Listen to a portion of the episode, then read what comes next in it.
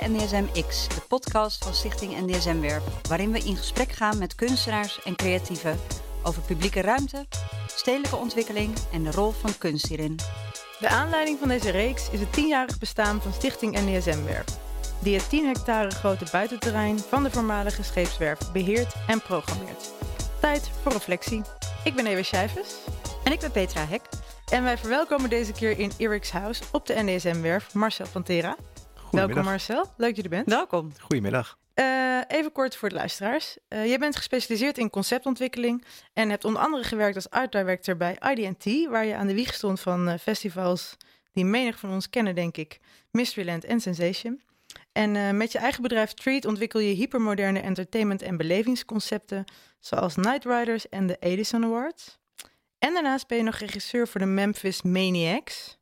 En dat is een band. En dat is een mashup band. Kijk. Nou, dat is goed om te weten. En uh, we hebben je uitgenodigd om vandaag bij ons uh, in deze studio aanwezig te zijn.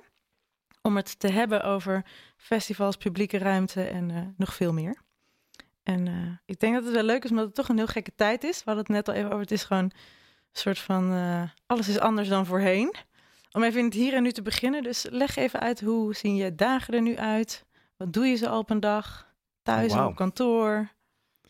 Neem ons mee. Ja, ja, ja. Nou ja, ik, uh, uh, zoals je zegt, ik, ik, ontwikkel concepten en strategieën, uh, formats voor evenementen. Mm. vanuit, een, vanuit een public eye. Dus ik doe dat altijd met het publiek in gedachten. Ja. ik doe dat op heel veel verschillende evenementen.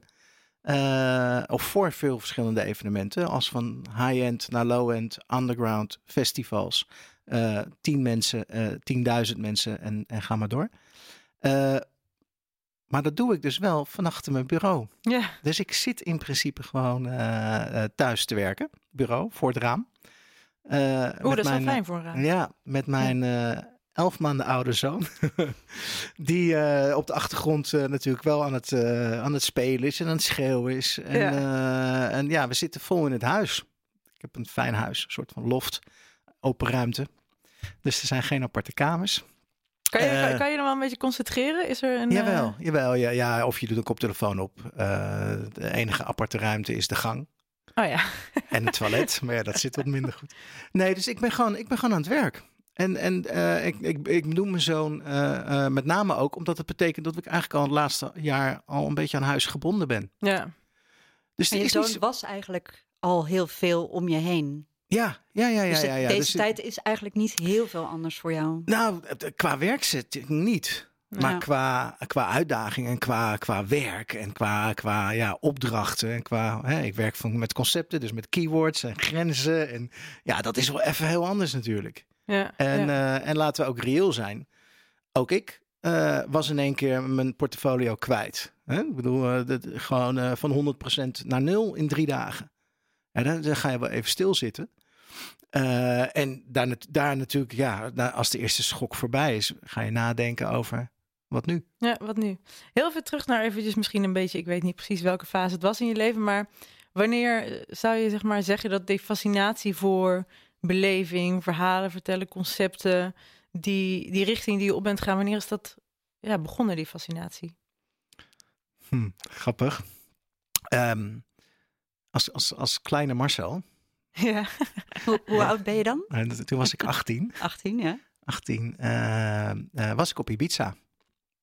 En het was 1988, dus de Summer of Love. De oh, tweede ja, ja. Summer of Love. Ik was daar.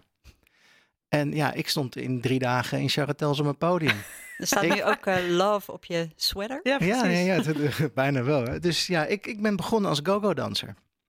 Uh, wow. En dat heb ik best lang gedaan. Uh, daarna heb ik een, een, bureau opgericht, terug in Nederland, uh, de Pantera Dansers. Uh, en daar waren we ja, best succesvol mee. We internationaal de, de, toch ook? Internationaal ja. de wereld overgevlogen. zijn uiteindelijk eind jaren negentig opgenomen in de stal van ID&T. En daar ben ik ja, art director geworden. Dus daar ben ik die concepten uh, eigenlijk, uh, zonder dat ik wist dat het een concept was. Ja, ja. Maar ben ik wel eens naar die evenementen gaan kijken. Van ja, oké, okay, we kunnen natuurlijk niet tien dezelfde evenementen geven voor hetzelfde publiek. Dat moet een beetje anders. Het kleurtje moet anders, het naampje moet anders. Dus dat is ontstaan. Maar wat was het dan, eventjes, uh, niet per se je go-go-dancer carrière, maar meer het feit dat je wat je om je heen zag daar, wat greep je daarin? Was het de muziek, de samenhorigheid, de sfeer, de... Nou, ik, ik, heb altijd het publiek als uitgangspunt gehad. Als in, ik wil heel graag een, een, een verhaal vertellen. Alleen in de evenementenwereld is een verhaal, is hmm. een beleving. Ja. ja. En naar die beleving toewerken met, met mooie flyers, maar ook met, met goede teksten en verwachtingen creëren. En dat dan op het evenement ook waarmaken. Hmm. Uh, en dat is natuurlijk heel breed, want ja, jullie hebben allebei een andere verwachting van de flyer die je toen las. Uh, maar dat is wel wat me heeft getriggerd. Uh, mensen vermaken. En ja, als je 25 bent, dan ben je alleen maar bezig met het vermaken. Maar ja, nu ben ik wat ouder en nu wil ik niet alleen vermaken, maar ik wil je ook raken. En dat is, heel, heel, dat is eigenlijk ontstaan tijdens Night Riders, omdat je dan je, je, je feest experience eigenlijk uh, meegeeft naar een, naar een theatervloer. Met mensen die gewoon een, een verhaal voorlezen. Ja, en kijken of je dan nog de mensen kan pakken, zeg maar. Voor de mensen die het niet weten, dat was volgens mij een concept samen met Kluun.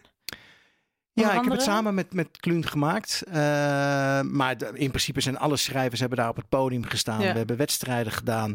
Uh, uh, het was een soort van nachtclub met, met, met DJ en, en, en VJ-materiaal. En eigenlijk gewoon ja, schrijvers die niet alleen verhalen vertelden, maar ook, ook interviewtjes hadden en quizjes deden. en in een, in een nachtclub setting. Dus je kon gewoon een fles wijn op tafel. Was echt heel leuk. Totaal concept. Hè? Ja, was heel leuk. Uh, en dat was wel voor mij voor de eerste keer dat ik doorkreeg van, nou ja, wacht even, ik kan ook op een andere manier uh, mensen raken. Dat vond ik heel interessant. Ja. En um, als je daarop doordenkt of doorgaat, eh, die concepten die vinden altijd plaats in een plek of een stad.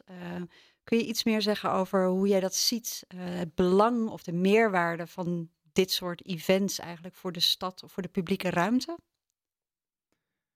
Nou, dat, uh, dat, dat kan ik Voor wel zeggen. Maar dat, ja, ja, ja, maar dat, dat begint in de nacht.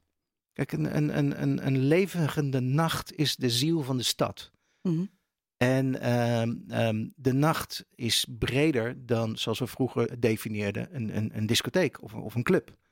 Hè, de, de, de publieke ruimte wordt ook door festivalmakers, uh, uh, maar ook door theatermakers, wordt gebruikt. Ja. Uh, dus het is heel waardevol.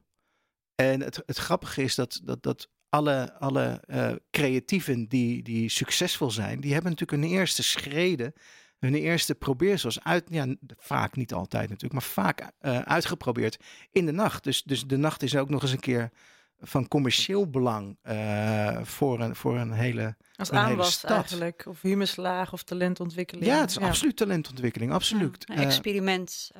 zeker, zeker. voor experiment. Zekers. Daar waar de nacht natuurlijk aan de ene kant heel positief is, want het is spannend en ontmoet types en dergelijke. Ja, is het ook af en toe wel eens negatief, want het is duister en je weet niet wat voor types je ontmoet. Weet je? Dus daar, ik begrijp de controverse daarin, maar de nacht is enorm belangrijk uh, voor een stad. Uh, waarmee je eigenlijk dus ook gewoon uh, natuurlijk de, de, de, de podia, maar ook de publieke ruimte zou moeten definiëren als belangrijk voor een stad. Omdat daar ook makers wat mee kunnen doen. En ligt dan voor jou die essentie bij het experiment? Of zit ook het. Of wat is dan de rol van het publiek voor jou daarin, naast dat experiment? Is dat het, nee, het in niet... aanraking komen met het experiment? Nee, het is niet. Uh, uh, kijk, in die zin moet je dan de plek definiëren en het publiek definiëren. Mm. Want ik vind het Amsterdamse bos vind ik ook open ruimte. En daar worden gewoon theaterstukken gedaan voor een x-publiek. Ja. En Ja. uh, op de Dam zijn demonstraties en ook nog eens een keer uh, zandtoernooien met volleybal uh, voor de sponsors. Ook daar is al een publiek voor. Dus er is overal publiek voor. Ja. Dus ik denk dat een plek aan zich zou, zou een publiek moeten bedienen. Ik bedoel, en, en de NDSM is per definitie een plek waar het experiment start. In mijn optiek. Ik bedoel, Mhm. over het IJ-festival zijn ook allemaal jonge kunstenaars, Ja, jonge theatermakers, die, die gewoon uh, in, uh, uh, in zeecontainers hun verhaal staan te vertellen. Ja, ik, dat is prachtig, weet je. Dat doet, dat doet ook, dat hoort bij deze, bij deze omgeving. Ja. En je zal zien, over 10 jaar, over 20 jaar, over 30 jaar, verandert dat. Dus over, over 50 jaar staan hier gewoon mooie orkesten te spelen in dikke zalen. Ja, je weet hoe dat gaat. Dat is de ontwikkeling van de stad. Nou, misschien hopen wij ergens nog. hebben wij misschien nog ergens de illusie of de, of de echte terechte hoop dat, dat, uh, dat in ieder geval een aantal van deze plekken publiek blijven. Voor zo lang mogelijk. Ja, ja. Maar dat, uh, dat, dat is natuurlijk allemaal ook uh, gewoon inderdaad wel onderhevig aan de, aan de transities die, die een stad doormaakt. En die wijken doormaken. Ja. Dus dat gaan we zien. Maar het zou wel mooi zijn als er iets van behouden blijft, sowieso. Maar... Ik, geloof, ik geloof ook dat het, dat het behouden kan blijven. alleen de vorm wordt iets anders. Maar, ja. maar, de, innerlijke, de innerlijke spirit en de gedachte, de energie, die, die, die blijft wel. Als, als er altijd experimente, experimentele dingen zijn gebeurd, controversiële zijn, dingen zijn gebeurd, dan, dan blijft die ziel in, in zo'n plek hangen. Ja. Ik bedoel, het zal niet zo zijn. Ik bedoel, uh, als ik hier een orkest zie over 30 jaar, dan is het niet in een concertgebouw. Maar dan is het misschien wel op een vrachtschip voor, ja, voor, ja. De, uh, voor de kade. En in die kade zal dan waarschijnlijk wel wat beter geregelde terrassen hebben. Ja. ja, dus de context en de inhoud moeten dan samenkomen, maar op een wijze die eer doet aan de plek. En volgens mij is dat ook wel iets terugkomt, wat terugkomt überhaupt in jouw werk als creatief eh, maker, denk ik. Maar als we nu kijken naar eh, de coronacrisis en de consequenties daarvan. eh, je hebt daar ook een eh, whitepaper over geschreven. En die staat ook op eh, LinkedIn. En die zullen we ook delen bij deze podcast, zodat mensen die ook kunnen lezen nog. Maar kun je daar kort de kern van vertellen van wat jij denkt dat eigenlijk de consequenties zijn voor nou ja, jouw praktijk, voor de festivals, voor de evenementen, voor de stad? Ja, het, de consequenties zijn dat de, hoe langer het duurt uh, voordat we weer mogen gaan, uh, hoe langer het ook duurt voordat de industrie weer uh, is zoals die was. En is zoals die was, dat is maar de vraag. Ja. Dat is en maar of de het vraag. ook zou moeten. Dat is maar de vraag of het zou moeten. Ja. En, en laten we ook reëel zijn, uh, van de duizend festivals en de 26 miljoen kaarten uh, die er per ja. jaar worden verkocht. Uh, ja, is dat allemaal nodig? Financieel wel, dat snap ik wel. Het zijn gewoon businessjes, weet je wel. Maar ja, dat is dezelfde discussie als je hier gaat kijken in de stad en je hebt gewoon zes ijszaken naast elkaar. Ja. Hè? Dus ja, is dat nodig? Dat is, dat is gewoon, een, vind ik, een reële vraag. En nu, uh, uh, voor het, ik, ben, ik ben van mening dat het publiek dat gaat bepalen. Hmm. En ik denk dat de coronacrisis uh, iedereen uh, thuis op de bank uh, heeft neergezet. Ja. En dat betekent gewoon dat ik, ja, ik heb niks te doen. En ik ga met mijn vrouw, moet ik kletsen. Ja. En wij gaan uh, plannen maken. En we zijn uh, aan het kletsen. En we, met je ouders. Ik bedoel, mijn moeder, ja, die stuurde ik één keer in de week heel trouw een appje. Nou, ja. Nou, daar kom ik nu niet mee weg. Nee. Nee, dus die moeder, die spreek ik gewoon twee keer in de week een half uur. Ja, ja. Ja. Maar dat betekent wel dat, dat de sociale connecties, die, die, je krijgt weer veel meer verbindenis. Ja. En we worden gewoon met ons neus op de feiten gedrukt van wat is nou, wat, wat heeft waarde? Ja. En die waarde moeten we koesteren. Uh, en dat deden we niet. Nee, precies. Dus dat is wel wat, wat er gebeurt. Ja. Dus, nou oké, okay, dus zometeen mogen we weer naar buiten. Hè? We, we zitten op 100 man ergens in, in juli. En Ja. in september uh, hopen we misschien naar wat meer te gaan. Laten we hopen, hopen dat we volgend jaar weer naar een festival mogen. Nou, A, ik heb wat uit te leggen thuis als ik ga. Ja, dus het, het, een soort van bijna een schuldfactor of het hedonisme wat er misschien was. Ik moet in ieder geval een antwoord hebben. Ja. Het is Dus- dus geen vanzelfsprekendheid Het is geen meer. vanzelfsprekendheid dat ik gewoon met alle. Hè, ik ga het ook gewoon zeggen dat ik, er- dat ik er een pil in gooi en ik drink een Mhm. fles wodka en jongens, Ja. ik heb een topavond. Ja, Ja. Dat, dat klopt.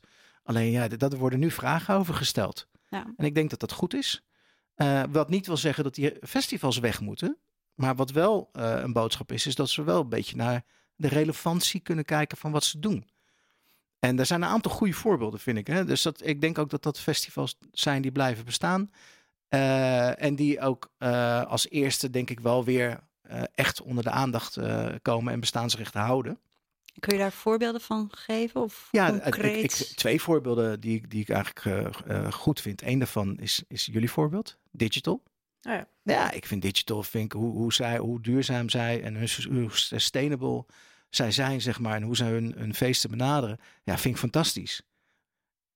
Daarnaast denk ik ook, als je zo power of speech hebt, waarom staat er niet een begenadigd spreker op het podium om je festival af te trappen, om iedereen er echt bewust van te maken? Hmm. Jongens, dit is er aan de hand, dit kan je doen. Wij vinden niet dat je dit moet, maar ik wil in ieder geval dit verhaal meegeven. Ja. Hè, dat mag best in een soort van TED-talk-achtige eh, omgeving of gebeurtenis zijn.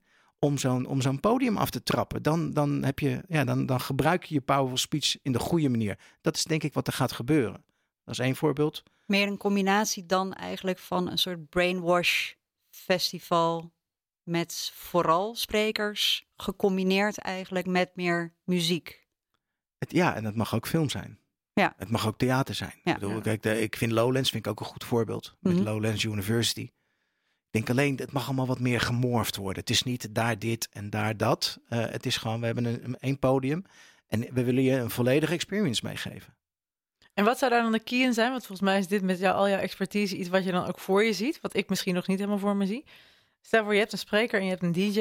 eh, maar die moeten op de een of andere manier wil je niet dat daar een gekke overgang is. Of dat die dus heel los van elkaar gezongen zijn. Zoals het nu soms is. Je hebt daar een sprekerspodium en daar een DJ-podium. Hoe zou je dat dan in de praktijk ook op zo'n manier kunnen mergen dat het, ja, dat het ook bijdraagt aan die ervaring. In plaats van dat het twee losse entiteiten zijn die na elkaar op een podium staan. Ik denk dat, eh, dat, eh, ik denk dat dat tijd is. Hmm. Ik denk namelijk als je om tien uur binnenkomt, s ochtends, heb je nog helemaal geen zin om eh, in de lampen te hangen. Nee. Dan Tenzij je nog steeds doorgaat, maar die kans is niet heel groot bij mij. die, die mensen zijn er ook. Dus dat laten we ook helder zijn. En we praten over. ik, ik heb vier, vijf types gedefinieerd. Maar we praten even over het gemiddelde. Iedereen zal zeggen: ja, nee, maar ik ga wel om tien uur eh, in de lamp hangen. Ja. Eh, maar gewoon in general. eh, en we hebben dat. We, we doen daar een onderzoek voor. Dus daar komt gewoon uit dat, dat 75% is het gemiddelde. Die op zoek zijn naar wat meer relevantie. Die, die wat meer willen participeren. en die ook wat behoedzamer zijn. Dus 80% van de mensen denkt gewoon twee keer na voordat hij, naar de volgende, voordat hij het volgende kaartje koopt. Ja, er zijn natuurlijk best wel veel mensen die echt heel veel festivals door het jaar heen bezoeken. Ja, de gemiddelde bezoeker koopt vier festivalkaartjes. En ik denk zelf, dat, dat vraag ik me af, maar ik denk dat de, dat de festivalganger, die gaat ook naar de parade en die telt dat niet als festival. Terwijl dat eigenlijk ook een festival is. Ja, Die ja, gaat ja, ook naar eh, het theaterfestival Holland. eh, die, dat tel je niet mee, maar dat, eigenlijk is het dat wel. Ja, het Holland Festival eh, Ja, toch? heeft niet voor niks die naam. Het andere voorbeeld wat ik had, want dat, dat wil ik ook wel aangeven, vind ik namelijk ook een hele goede, is milkshake. Ja. Ja, ja. Milkshakes staan ook echt voor een boodschap en die dragen dat heel goed uit. Dus, dus dat zijn wel de, de eh, festivals. Dus die vorm die blijft wel bestaan. Die industrie blijft wel bestaan. Denk alleen dat, dat inhoudelijk dat er eh, goed naar gekeken moet worden. En dat is dus wat corona doet. Want eigenlijk moeten wij natuurlijk als, als industrie willen we jullie vermaken en hopelijk een beetje raken. Eh, en we zullen ja, entertainment moeten vinden waar jullie eh, als bezoek eh, op zitten te wachten. En, en mijn verwachting, en daar gaat dat stuk eigenlijk over, is dat, dat mensen gewoon op behoe- straks behoefte hebben aan wat meer inhoud. ja, precies. En grootschaligheid en kleinschaligheid, hoe zie je dan die ontwikkelingen? Ehm, nou ja, kijk, van de duizend festivals, ehm, haal daar even alle buitenlandse kaartkopers van af. Dat is een x-percentage wat best wel groot is. Haal daar eigenlijk even de, de, de doelgroep af van de mensen die zeggen, ja, ik ben echt bang. Hm. Haal daar ehm, de mensen af die zeggen, het is me te ver.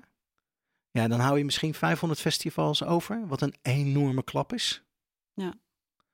Eh, maar ze, ze zullen er nog wel zijn. En degene die er zijn, ja, moeten natuurlijk die strijd aan met de mensen die, die wel willen. En hoe gaan we die bedienen? Ja, ik, ik denk dat er een hoop, ehm, ja, dat, dat, dat het programma daarin gaat vertellen wie overeind blijft. Ja. Dus daar zit, daar zit programma achter. Ja, de, in, de inhoud. De inhoud. Maar als je, ja, dus als je het aan mij persoonlijk vraagt, wil ik naar een festival? Ja, eigenlijk ben ik geneigd te zeggen van ja, ik wil nog wel. Maar het eerste wat ik ga doen zometeen is naar de kroeg op de hoek. Ja. En niet om heel hard te feesten of te drinken, maar gewoon om te kletsen. Want dat heb ik net het laatste half jaar gedaan. Kletsen. Ja, ja. Ja. toch Dus- die focus eigenlijk op een soort van hyperlokaliteit. En eigenlijk ook toch de, de interactie of de fysieke interactie. Want er is nu natuurlijk wel, eh, ze hebben het steeds over social distancing. Maar eigenlijk gaat het meer over physical distancing. Ja. Want ik heb ook veel meer contact met mijn moeder. Alleen wel over de telefoon. Nee, dat, dat klopt. Dat ben ik, dat ben ik met je eens. Eh, en en ehm, kijk, als wij al een jaar lang, eh zometeen misschien, eh, of een half jaar, natuurlijk alleen maar aan het kletsen zijn, hebben we ook helemaal niet de behoefte aan een dansvloer. Dan wil ik gewoon eigenlijk gewoon weten hoe het met je gaat. Ja. En daar, uh, daar kunnen we op inspelen. Dat, volgens mij is dat, dat waar, het, waar, waar het naartoe gaat, even in de eerste stappen. En dat gaat zich wel weer langzaam opbouwen naar. Ja, natuurlijk wordt er gedanst en, uh, en dergelijke. Ja. Maar ja, als je er nu gaan over nadenkt met, met, met de informatie die we nu hebben, sta je op een festival met 10.000 man voor een videoscherm, zwetend. Ja. Ja, kan je het je voorstellen? Nee, het voelt niet goed. Voelt, voelt momenteel ook ver weg. Dat is zeker. Voelt ver weg. Maar dan moet ik ook zeggen, het voelt ook niet goed en het voelt ver weg. Ik ben 50. 52 zelfs, als ik eerlijk ben. Dus uh, de jongens van 18, ja. die voelen zich oppermachtig. Die hebben Ja, helemaal ja. niet dat, uh, dat wat wij voelen. Nee, die willen Dus daar- gewoon Die willen gewoon. dicht bij elkaar zijn. Ja, Veel maar mensen. en, en dat, dat, Ja. het blijkt ook te kunnen, zeg maar. Ja. Eh, dus ja, er gaan ook wel, er, gaat, er gaan enorme verschuivingen plaatsvinden. Het gaat niet meer zijn zoals het was. Nee. Dat is, dat is eigenlijk waar ik het over heb in die whitepaper. Ja. En je noemde ook net, net ook al Digital. Nu heeft Digital natuurlijk ook een online festival eh, georganiseerd dit jaar voor het, e- ja, voor het eerst, omdat het dit jaar ineens online moest. Ja. Met allemaal verschillende DJ-sets en kamers. En een, Ja. toch, toch geprobeerd eigenlijk op, op de een of andere manier om die eh, festival experience te evenaren online. Ja. Eh, hoe kijk je naar de online of offline connectie die we nu met elkaar proberen te, proberen te zoeken? En denk je dat er misschien ook iets van beklijft in al onze online activiteiten nu? Ehm goeie vraag. Thanks. Ja, ik Je heb daar mag wel, eh, over nadenken. ja, ik heb daar wel, ik heb daar wel een visie op. Eh, want ik denk wat, nogmaals, digital, eh, ik heb respect voor ze, dus laat dat helder zijn. En ik denk dat wat ze doen, dat dat heel goed is. Maar het effect van wat zij doen, is in principe dat ze gewoon in contact blijven met hun klanten. Ja. Ja. En dat doen ze heel goed. Ja. Dat is heel belangrijk, want als ze over een jaar weer wat willen doen, dan, dan moeten ze die mensen kunnen bereiken. Dus dat is goed. Eh, tweede wat ik daarop kan zeggen is eigenlijk van ja, het is leuk naar zo'n festival kijken eh, op je tv. Maar het is een beetje als porno kijken in je eentje. Je mist interactie. Je mist interactie. En die, is die, die sociale interactie, dus die connectie, die is wel belangrijk. Want tot voor kort vonden we het natuurlijk fantastisch om al die mensen die we niet kenden om de nek te vliegen. Maar met, eh, die behoefte om elkaar te ontmoeten, Ja. die blijft bestaan. Alleen waar we het over hebben, dat wordt anders. Het gaat nu niet over welke stage wil jij zo meteen zien of welke DJ hou je van. Het gaat over hoe heb je thuis gehad de afgelopen maanden. Ja, daar kan ik geen harde muziek bij gebruiken. Nee. Dus daar zit ik nog een beetje te, te Ja. zoeken. Ehm, het derde wat ik erop kan zeggen is die hele sociale connectie. Wat social eh, connected, de Facebooks, de Twitters, de you, you name it. Hmm. Die heeft natuurlijk ook gezorgd voor een enorme versnelling die we met z'n allen meemaken. Waardoor we gewoon minder contact hebben. En minder contact hebben betekent een beetje verwijdering. Dat is wat er gebeurd is de afgelopen tien jaar. En eigenlijk zeggen we nu allemaal, we, en daar worden we mee geconfronteerd, hoe fijn het is om echt contact te hebben. huidhonger. Huidhonger, ja, absoluut. Dus ehm, ik denk niet dat internet weggaat. En ik denk dat er nog heel veel nieuwe eh, eh, mogelijkheden gaan ontstaan om contact te, te, te, te hebben met elkaar. Ik denk ook dat dat goed is. Maar ik denk ook dat we eh, ons bewust zijn dat de echte waarde wel zit in, eh, in body language. Hmm. En in, in, in huidhonger. En in, in, in oogcontact, zeg maar. Ik, ik heb heel veel eh, Zoom-meetings. Ja. En ik, dat, het, is, het is rete efficiënt. Het is hartstikke goed. Het gaat hartstikke snel. Maar ik, ik voel niks. Nee, het is ook heel vermoeiend. Het lijkt toch alsof onze lichamen gewoon nog niet gewend zijn aan dat digitaal vergaderen. Ik ben blij ja, dat je het zegt. Als ik twee Zooms achter elkaar heb, ik Ja. ben kapot. Het ligt niet aan je leeftijd. Nou, dat- Iedereen heeft ja, dit. daar was ik ben voor. Nou, ik, ik denk wel dat volgende generaties dat veel makkelijker Ja, kunnen. Maar 100 procent, want we zijn, we zijn Ja. een onderzoek aan het doen ook. Hè. Met, met Ja. Dennis Doeland samen eh, hebben we eigenlijk de vragen die ik stel in het white paper, die zijn we gaan stellen. mhm, En we hebben nu een kleine 1800 man eh, die hebben gereageerd aan festivalbezoekers. aan bezoekers. Ja. festivalbezoekers een beetje in, in general. Mhm. Ik moet eerlijk zeggen, we hebben hem een beetje quick and dirty eh, gemaakt. We hebben hem gewoon heel snel online gezet. We hebben ook wel commentaar gehad van mensen die zeiden van... nou ja, dan mag wel wat verdieping, mag wel wat Mm. meer of wat meer dat. Dus we hebben bedacht van nou oké, we gaan het eigenlijk herhalen. We gaan maandelijks gaan we uh, nieuwe uh, inzichten delen en vragen stellen. Om zo tot een totaalbeeld te komen. Een levend document wat meegaat, ja. ook misschien met de veranderingen. Of, uh... Zekers, zekers. En in die onderzoeken zijn natuurlijk ook de, de, de generatie Z. Dat is eigenlijk de 2000 plus. Dat zijn mensen die nu 18 zijn. Ja. Dat zijn de digital natives. Dat ja. is eigenlijk de doelgroep van straks. Het is ongelooflijk. Dat zijn wel de, tot nu toe de, minste, de, de groep met de minste reacties. Maar er mm. beginnen wel al wat inzichten uit te komen. Ja. is natuurlijk dat ze enorm online zijn. Maar is bijna allemaal zijn ze op zoek naar relevantie. Mm, dat is ja. bemoedigend. Vind ik heel bemoedigend. Ja, fijn. Ja, ja, vind ik echt heel fijn. En relevantie, dat is, gaat het dan bijvoorbeeld over bepaalde thema's als, als duurzaamheid of gewoon überhaupt een gevoel van urgentie in een, in een productie of een ja, verhaal? Ik, van een ik denk dat, uh, dat uh, duurzaamheid is, is een benadering, uh, urgentie is, is een actualiteit. Ja. En, en zo zullen er meerdere dingen gebeuren. Je ziet natuurlijk al, dus ze hebben geen behoefte aan auto's en, en you name it. Dus er staan gewoon wel allemaal goede dingen te gebeuren. Dus ik heb best wel vertrouwen in. Meer idealen bij ja. die generatie. Zekers. Ja, fijn. Zekers. Ja. Dus biedt, plek. Ja. Waar, waar zie jij nu de, de, de mogelijkheden of de kansen als je denkt van, hè, um, ja, back to normal is het misschien niet helemaal. En je hebt natuurlijk al wel, maar een soort van, van hoop of tip dat je denkt van, nou, voor de, de new normal, ik zou het fijn vinden als het die kant op gaat. Of, of uh, hè, daar wil ik me mee bezighouden of op gaan storten. Heb je al zoiets in gedachten? Nou, nee. Als ik eerlijk ben, uh, ik zie wel uh, richtingen. Ik heb wel een gevoel. Alleen, uh, ik ben nog zo met de eerste stap bezig. Ja. Hmm. en dat is eigenlijk gaan analyseren. Wat gebeurt er nou? Ja. En je ziet heel veel initiatieven en je ziet heel veel mensen die, die, ja, met, hè, die zeggen: Ja, maar ik heb een horecazaak, ik heb 40 zaken, ik moet open, ik ga ja, open. Ja, Weet je, dit, ik zie gewoon zoveel uh, mensen die natuurlijk voor hun eigen uh, hachje aan het knokken zijn. Wat ik volkomen begrijp. Ja. Uh, maar daar, gaat, daar, daar, daar is deze reset niet voor. Nee. Dus, dus... nee, maar goed, jij zou dat ook kunnen doen. Hè? Het denken van: ik moet mijn eigen nou ja, werk zien te redden. Maar ik denk wel dat jij nadenkt over op een andere manier dat doen of zo. Dus daar ben ik nog wel ja, ik, benieuwd ik, naar. Wat ik zeg, met, met de band zijn we wel degelijk aan het kijken naar hoe kunnen we, uh, uh, hoe kunnen wij gewoon zo meteen nog spelen. Ja. Uh, en daar zijn ook wel ideeën voor. en dat zijn geen niet zozeer nieuwe ideeën, maar dat is wel leuk om daarover na te denken.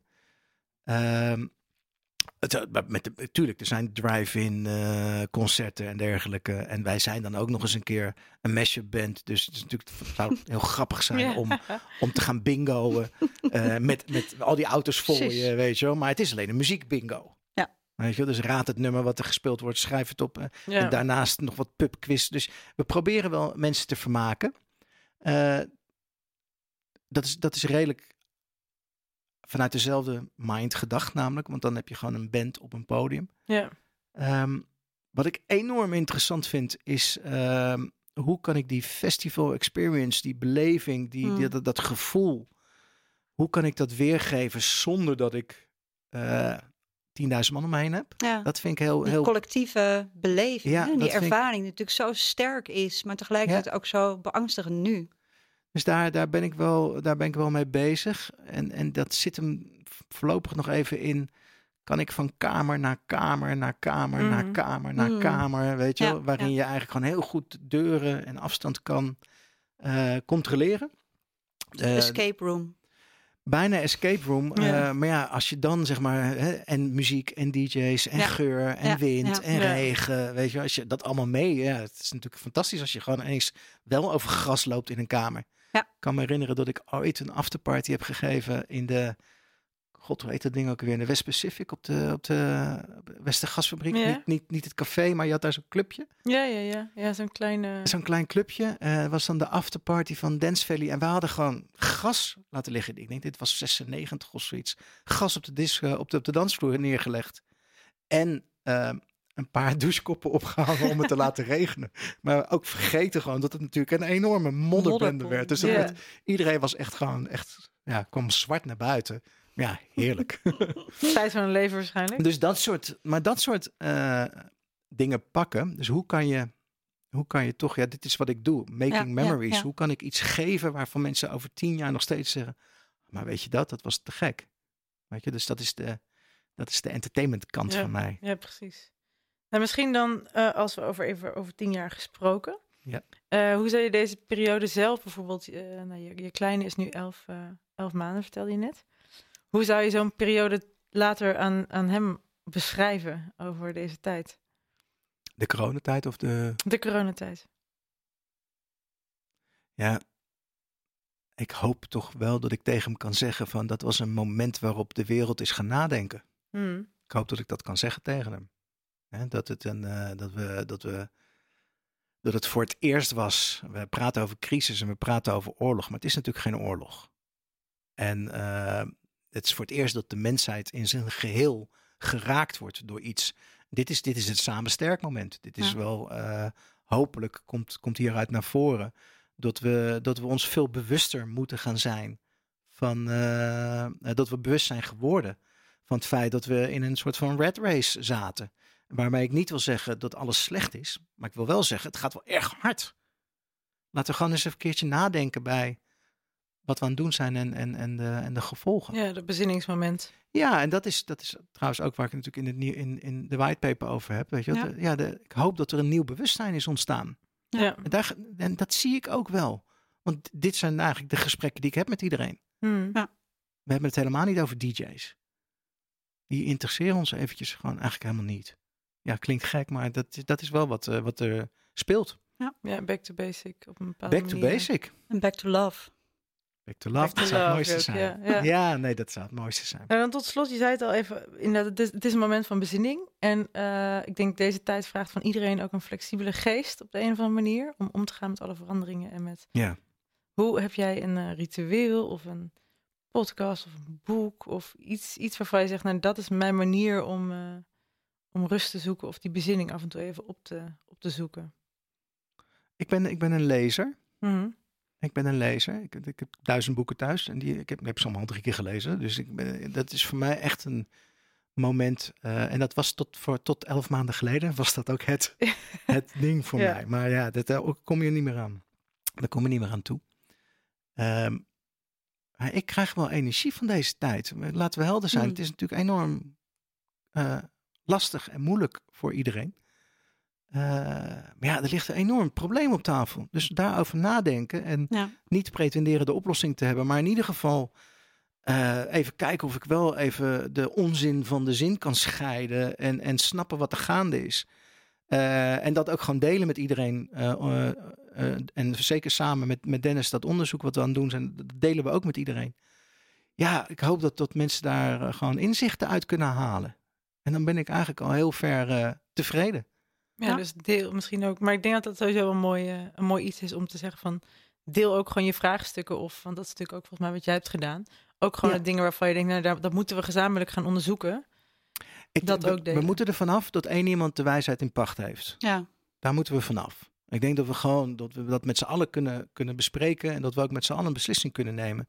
Wat betekent natuurlijk dat we ook, dat is ook de reden waarom nu in ziekenhuizen ineens bepaalde beslissingen wel door het hele echelon eh, eh, gevoerd worden in korte tijd. Weet je wel? Er zijn natuurlijk gewoon lagen die gewoon overbodig zijn.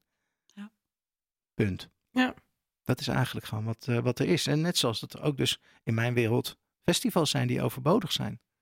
Het is heel vervelend om te zeggen, maar dat is het wel.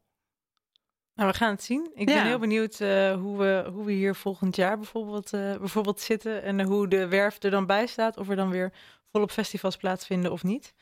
Maar eh, heel erg veel dank voor je, voor je inzichten, je kennis, je gesprek.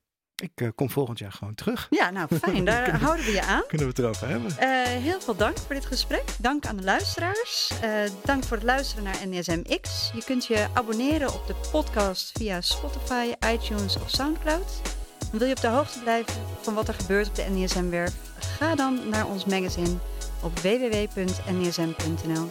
Heb je nog vragen, suggesties naar aanleiding van deze uitzending? Mail ons dan op redactie.nsm.nl. En heel graag tot de volgende.